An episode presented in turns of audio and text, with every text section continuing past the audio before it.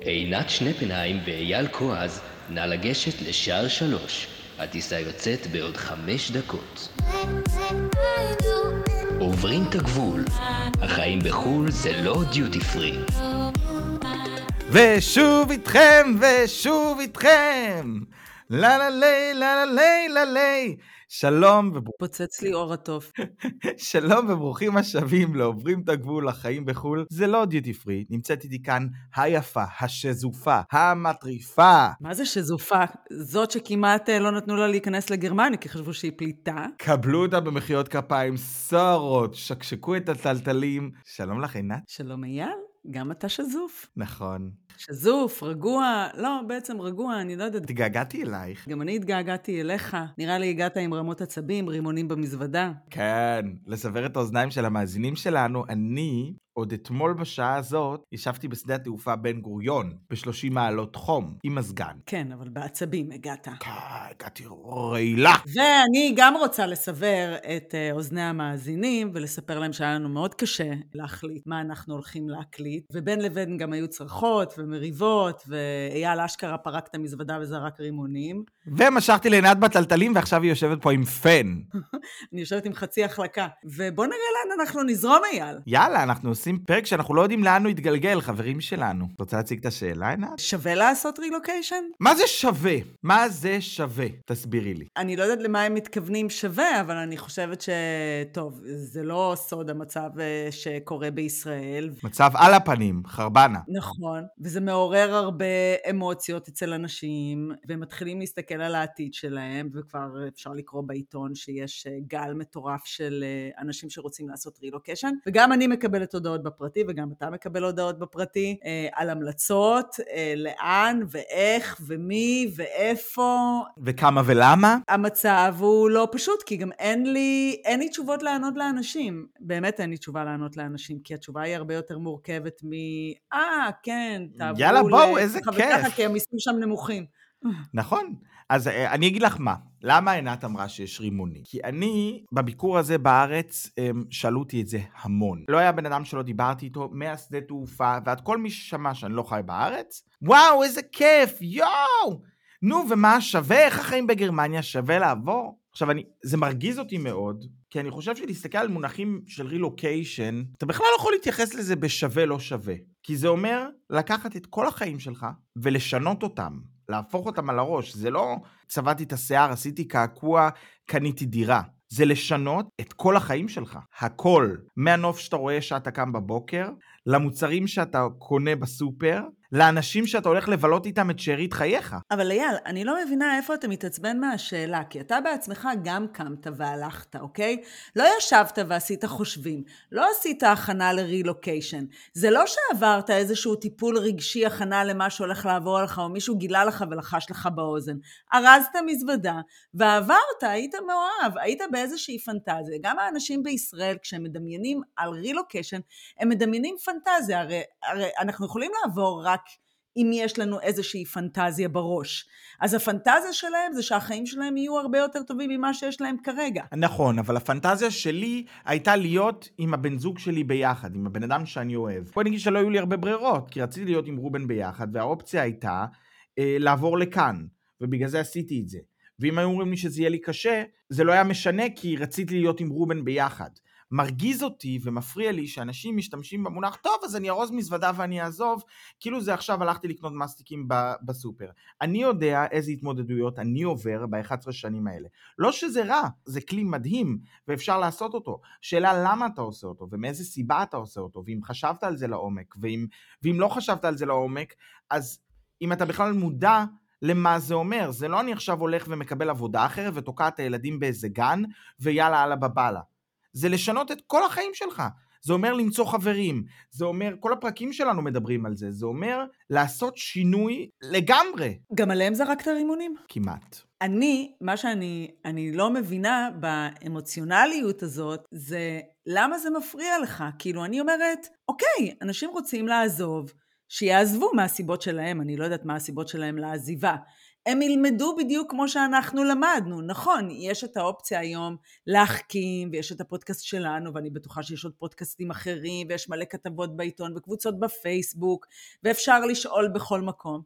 אממה, אי אפשר, וגם לא תהיה, לא בקבוצות בפייסבוק ולא בשום מקום אחר, שום הכנה נפשית למה שהולך לעבור אליי.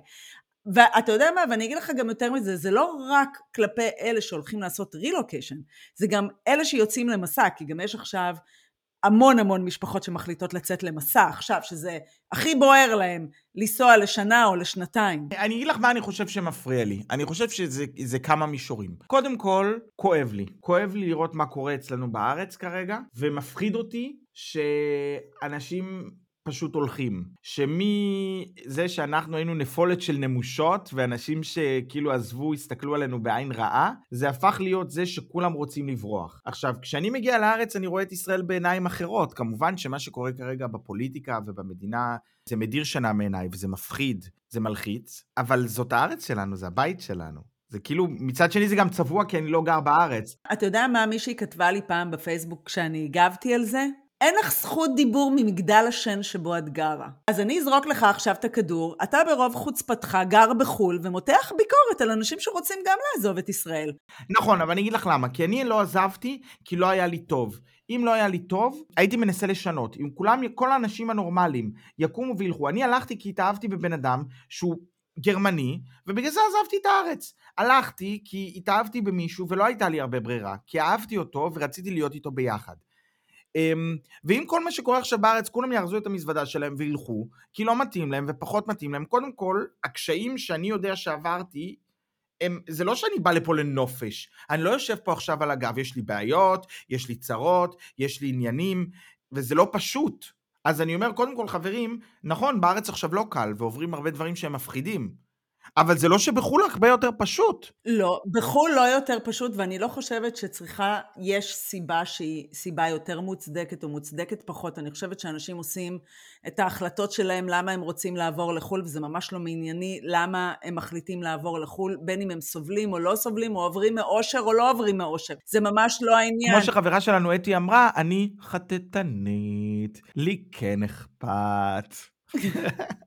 אבל עדיין אתה מותח ביקורת. נכון. מעצם העובדה שאתה יושב ואתה גר בחו"ל, אז למה לך מותר ולאנשים אחרים אסור? לכולם מותר, שנייה, את צודקת, לכולם מותר. לא, אז אני אגיד לך, ועכשיו תגיד לי אם אני גם צודקת, נו. אוקיי? יש מצב שהכעס שלך הוא בעצם על זה שהם עוברים לחו"ל ואתה בעצם רוצה להישאר בישראל, למה אתם לא נשארים? כי בעיניים שלך בישראל יותר טוב מלחיות במקום אחר, כי בעיניים שלך העשר שנים שאתה העברת פה לא היו כאלה שנים פשוטות, והלוואי והייתה לך את האופציה לגור בישראל, והלוואי והייתה לך את האופציה לחזור לישראל, אבל בגלל שיש לך אהבה גרמנית, ואתה חי פה בגלל אהבה גרמנית, ואתה גם אמרת את זה בהתחלה, לא הייתה לי ברירה, הייתי חייב לעבור.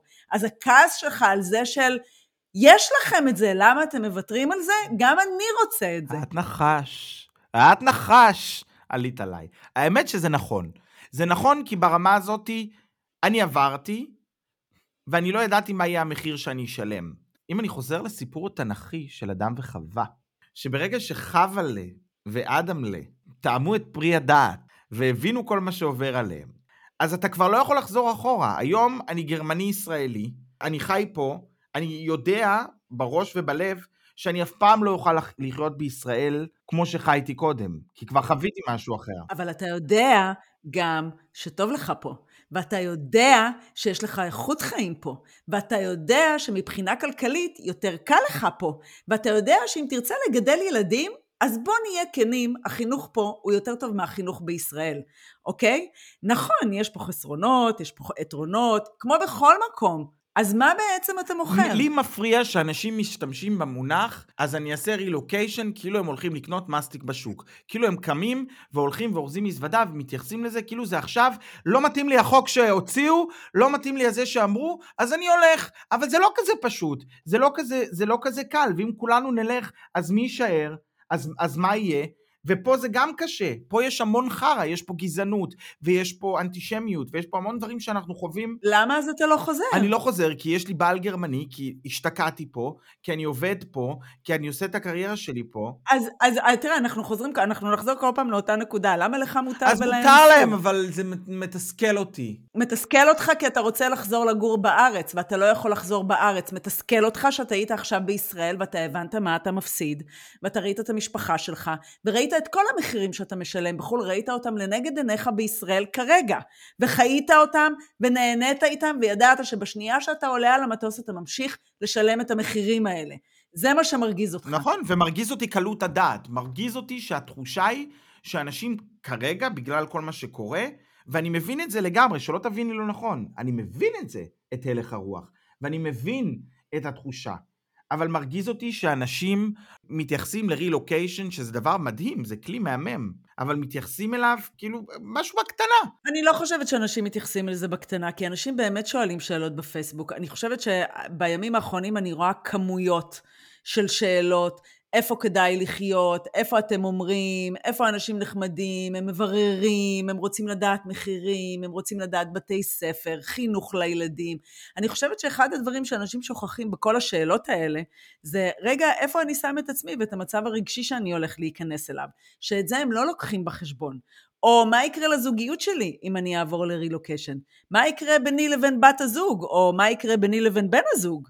שהם לא לוקחים בחשבון, או את כל הבלת"מים שעלולים לקרות לנו ברילוקיישן. אולי הילד שלי יחטוף חרדה פתאום, והוא ימרוד, והוא יהפוך להיות אלים, ופתאום יהיה לו קשה, או הוא יסרב לדבר את השפה, ואני אתחיל להתמודד עם דברים שאני לא חשבתי שאני בחיים אתמודד איתם. אני חושבת שדווקא את האינפורמציה הזאת אנשים לא שואלים והם שוכחים, הם שוכחים שהיא קיימת. למה? אתה יודע למה? כי הם חייבים לעבור עם פנטזיה. כי אני ואתה, והפודקאסט, אנחנו מקלקלים להם את הפנטזיה. אנחנו שמים להם את האמת בפרצוף, אנחנו אומרים להם, הולכות להיות לכם המון התמודדויות, המון אתגרים. איך אנשים יקבלו את האומץ לקום ולעזוב מדינה? איך? מה שאת אומרת הוא נכון, ואני חושב שהפנטזיה היא חשובה. אני חושב שאותי זה מרגיז, כי אני מסתכל על זה ואני אומר, אם יש לכם פה את כל מה שאתם צריכים, ולא קל פה, בואו תנסו לשנות את המצב שהוא לא טוב, כי אנחנו עוד לא שם שאי אפשר לשנות. אז אני אהיה כמו כל המגעילים עכשיו בפייסבוק, ואני הולכת להגיד לך, אז אייל, אז אתה רוצה לאכול את העוגה ולהשאיר אותה שלמה? אתה גם רוצה לחיות בחו"ל וגם להשאיר אותנו בישראל? אני לא רוצה להשאיר אנשים בישראל, אני רק רוצה להגיד, ברגע שאתם אומרים אז אני אעשה רילוקיישן, אומרים לי, או, אתם, יש לי הרגשה, את יודעת מה, אני אחדד את זה? שמזלזל, ש... זה לא מרוע, זה, לא, זה, זה מחוסר ידע, אבל שמגמדים את ה... התהליך הנורא נורא קשה של הרילוקיישן, בזה שכולם פתאום מסות של אנשים, שזה היה בן אדם פה ספציפי שאומר לא טוב לי, או פה בן אדם שאומר אני רוצה חוויה אחרת, זה מסות של אנשים שמשתמשים בכלי הזה של רילוקיישן, או, או בתור איום, או אומרים אני אעשה רילוקיישן, כאילו זה משהו שמאוד פשוט. ואני אומר, 11 שנה אני נאבק, יש לי רגעים מדהימים ויש לי חיים מדהימים, אבל אני נאבק וגם אחרי 11 שנה יש המון פעמים שאני מקבל את זה לפנים, ואני רואה, אתה, אתה לא שייך, אתה לא קשור, אתה צריך תמיד לעשות הרבה יותר משאר האחרים. גם עכשיו שנחתתי וחזרתי, כשאני מגיע לארץ, אני ישר משתחל. חברים, טק טק טק טלפונים. היום פתאום אמרתי, או. אפילו הטלפון לא צלצל. איפה אני? חוץ ממני. שזה המון. אבל זה משהו שאתה פתאום מבין, ואתה אומר, אוקיי, ואני עוד פעם עושה את התהליך, ואולי בגלל זה אני היום ככה. כי אני עוד פעם היום עושה את התהליך הזה של הרילוקיישן. כל... בקטנה. אבל הייתי חודש בארץ וחזרתי, ואני מתמודד עם הכל עוד פעם. אז בעצם הכעס שלך הוא לא עליהם, הכעס שלך הוא על עצמך, על זה שאתה נמצא ברילוקיישן ועל זה שקשה לך, ואתה לא מבין למה אתה לא חוזר ולמה אתה מתמודד עם כל החרא. ואחד הדברים הכי קשים שיש ברילוקיישן בעצם, זה שההתמודדות שאתה עובר היא התמודדות לבד. כי אין לך את אבא ואימא, ואין לך את האחים שלך לתמיכה, ואין לך את החברים הטובים שלך מישראל שיתמכו בך. אתה עובר משברים שהם משברים גדולים, בלי שיהיה מישהו לידך. אתה יודע, מישהו, מישהו כתב לא מזמן, כשעברתי לחו"ל, לא ידעתי שיום יבוא וההורים שלי יזדקנו. שזה, שזו חשיבה שאני אמרתי לעצמי, יואו, הוא, הוא כל כך נכון. צודק. גם את זה לא לקחנו בחשבון, אוקיי? שההורים שלנו הזדקנו, ופתאום אנחנו, אחרי כל כך הרבה שנים, פתאום אנחנו נסכם, אנחנו נגיד, רגע, אבל אנחנו פספסנו את כל השנים האלה שיכולנו להיות איתם, ועכשיו הם מבוגרים, ואיך אני יכולה לעזור נכון. מרחוק, ואיך אני יכולה לתמוך מרחוק. זה הרי משהו שהוא בלתי אפשרי, כי הרעיון לעשות רילוקיישן ולעבור למדינה אחרת הוא גם להישאר, נכון? אתה רוצה שיהיה לך טוב.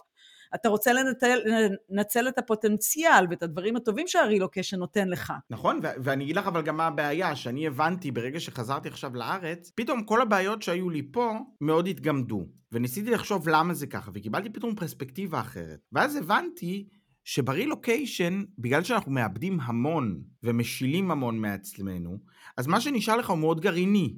זה המשפחה הקטנה שלך, העולם הקטן שבנית לך סביבך. ופתאום כל צרה או בעיה היא הרבה יותר גדולה, כי אין לך את המעגל תמיכה הזה שיש לנו בבית.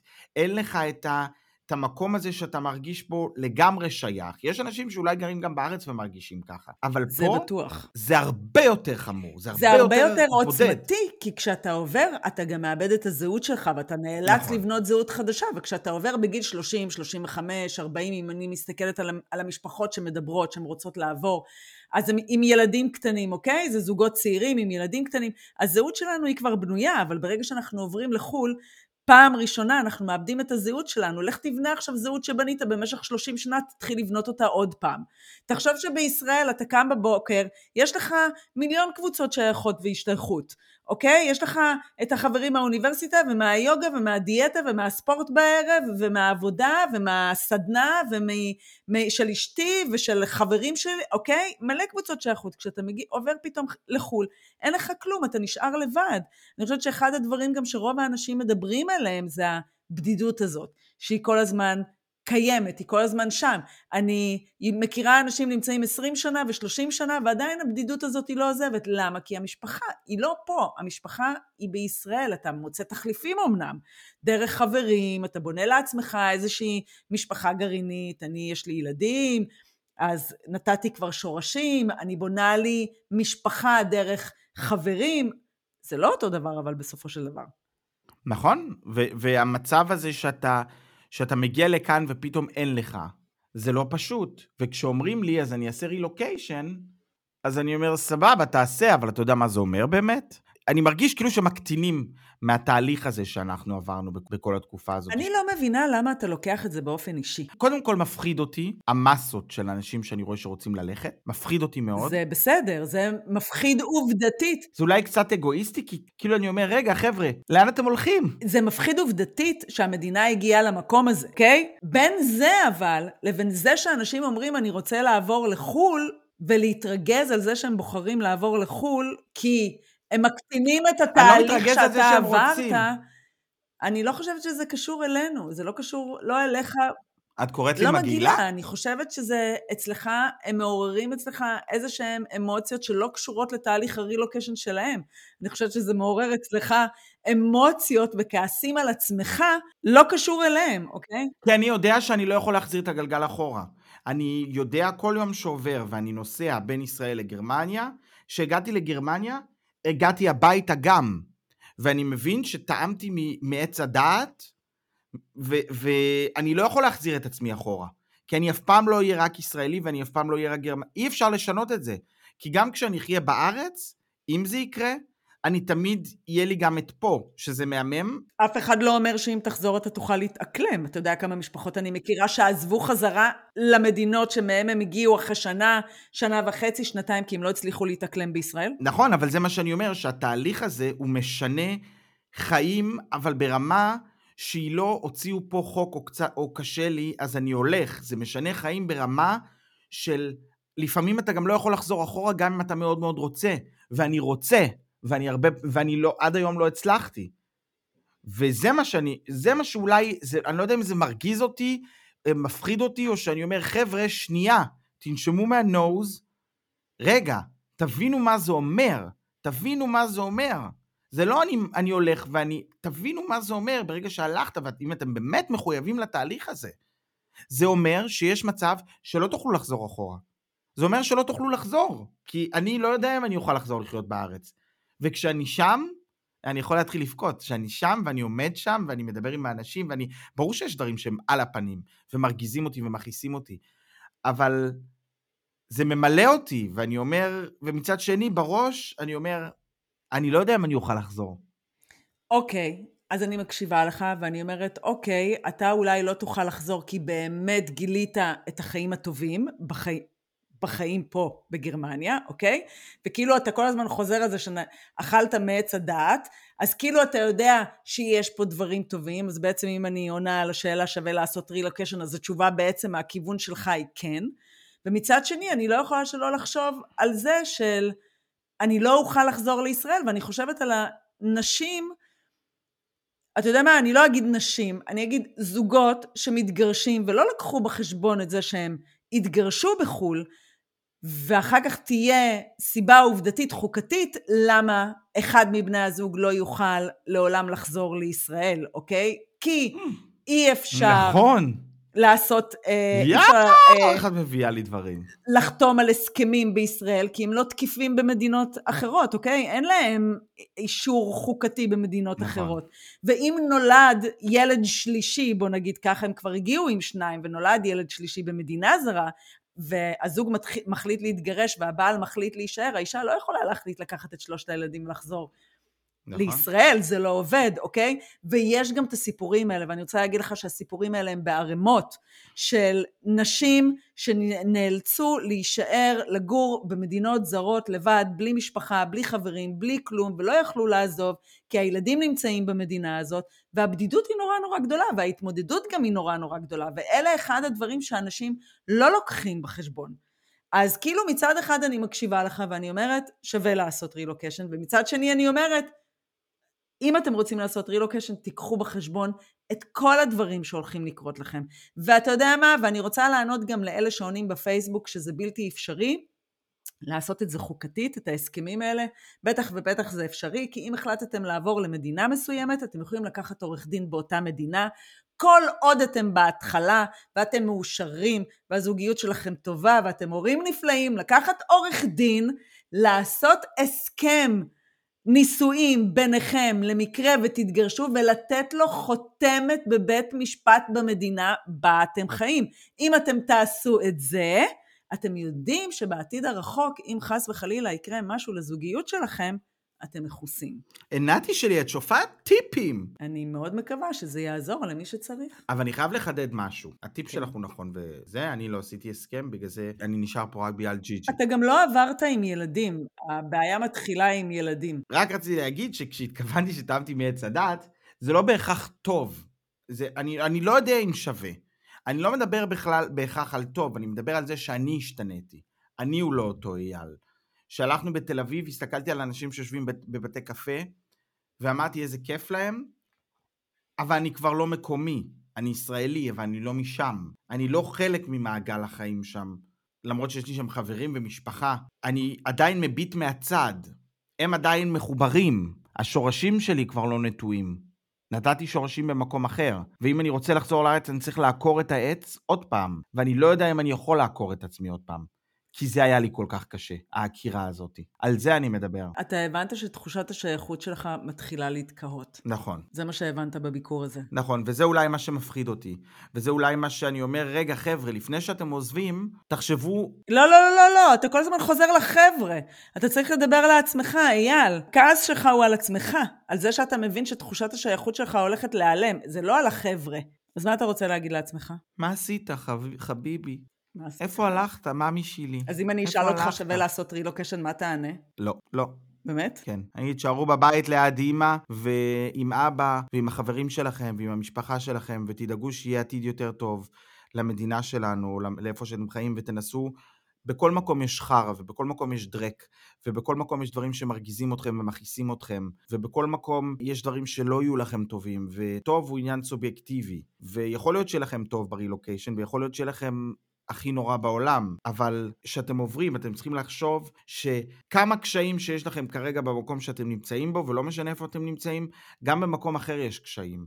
וכשאני נוסע לכאן, אז אני מתמודד עם הקשיים שלי, וישראל היא בשבילי חופשה ונופש, ובגלל זה בישראל הכל נראה לי מדהים ומושלם, זה מודע לי. ולא מושלם, כי, כי יש הרבה חרא, אבל טוב. וכשאני פה, אז יש לי את החיים עצמם, שהם לא פשוטים, בכל מקום שהוא. ובגלל זה השאלה אם שווה לעשות רילוקיישן או לא, השאלה היא, למה אתם רוצים לעשות רילוקיישן? כי אתם לא מצליחים להתקיים כלכלית, או אתם חושבים שמבחינה מקצועית תוכלו להתפתח יותר? סבבה, כי רע לכם בסביבה, תעשו, כי אתם לא מסכימים עם הממשלה, תעברו. אבל זה לא אומר שהממשלה במקום שאתם עוברים אליו היא תהיה יותר טובה, כי גם פה בגרמניה יש המון תחלואות ברמה הפוליטית והחברתית, ובמדינות אחרות גם. אה, מה שהיה באמריקה עם טראמפ לפני אה, כמה שנים היה גם על הפנים. זאת אומרת, הרעיון הזה של רילוקיישן, של לנטוע שורשים במקום אחר, הוא מעבר לכסף, הוא מעבר לממשלה, הוא מעבר לדברים שאתה יכול להשיג ברמה המקצועית, הוא מכלול של המון המון דברים. תחשבו על כל, על כל הפרספקטיבות לפני שאתם מקבלים כזאת החלטה. זאת הבקשה שלי. ולהדלקת המשואה, אני מזמינה... אה, זאת המשואה הראשונה שלי! את אייל! וואו! אני באה, אני רוצה להודות לאימא שלי ואבא שלי שהביאו אותי עד אז אני רוצה לתת אבל תשובה אחרת. אז אני רוצה להגיד, האם שווה לעשות רילוקיישן? אני חושבת ששווה לעשות מה שבא לנו לעשות. ואני חושבת שכל מה שאנחנו רוצים לעשות, אנחנו צריכים להגשים חיים את החיים פעם אחת. גם אם זה לא יעבוד, וגם אם יהיה לי חרא, וגם אם אני אחליט בסופו של דבר לחזור הביתה, עדיין הרווחתי את האומץ, את הביטחון העצמי, הרווחתי את הניסיון, ראיתי עולם, למדתי תרבות חדשה, למדתי שפה חדשה, ואני חוזרת בעלת ניסיון חזרה לישראל. אני אומרת, תעברו, וכמו שאייל אמר, מהסיבות הנכונות. כי כשזה מהסיבות הנכונות, הסיכוי להצלחה הם סיכויים מאוד מאוד גדולים. וההמלצה שלי, אם היה, הייתה לי את היכולת ומישהו היה לוחש באוזני בהתחלה, עינת, תעשי, תיקחי ליווי מקצועי רגשי לפני שאת עוברת, הייתי לוקחת את זה בשתי ידיים. המלצה, גם כזוגית וגם כאישית. נכון, ואם אני יכול להמליץ לכם משהו, יושבת מולי מישהי שיכולה לעשות לכם לא, ליווי. לא, אנחנו לא במכירות. טוב, אז אני עוצרת, סליחה, עינתי. מה אני אעשה? את הצלת את הלייב שלי, מאמי שלי. נכון, אני רוצה... סתם. אז תני לי למכור אותך, כמו סופגניה חמה, חמה, חמה, חמה מהתנור. אז מה אנחנו נאחל לכולם? אנחנו נאחל לכולם שהם יעשו מה שבתחת שלהם. בדיוק. שהם אה, יחשבו על כל מה שאמרנו. ורק תהיו מאושרים בבחירות. ורק תהיו מאושרים, נכון. להיות מאושרים, וזה הכי חשוב. נכון, ואם אתם עדיין חיים בארץ ומתלבטים ואתם במקרה גרים בפתח תקווה, אבא שלי רץ uh, לבחירות uh, למועצת העיר, תצביעו אדי כועז, חברים וחברות שלי. זהו. זאת הייתה פרסומת שרצה פה במהירות. נכון, מאמי שלי! מה, אבא שלי? אז בנימה אופטימית זאת, אנחנו ניפרד וניפגש בפרק הבא, ואל תשכחו לעקוב אחרינו בקבוצה בפייסבוק, עוברים את הגבול, החיים בחו"ל, זה לא דיוטי פרי. להפעיל את הפעמון, לקבל עדכונים על כל פעם שיוצא פרק חדש. ואם יש לכם שאלות והייתם רוצים לדעת דברים, אז אתם כבר מבינים, אנשים מרגישים חופשי ושולחים לנו הודעות בפרטי. ותודה שהייתם איתנו. ניפגש בפרק הבא. ביי יוש.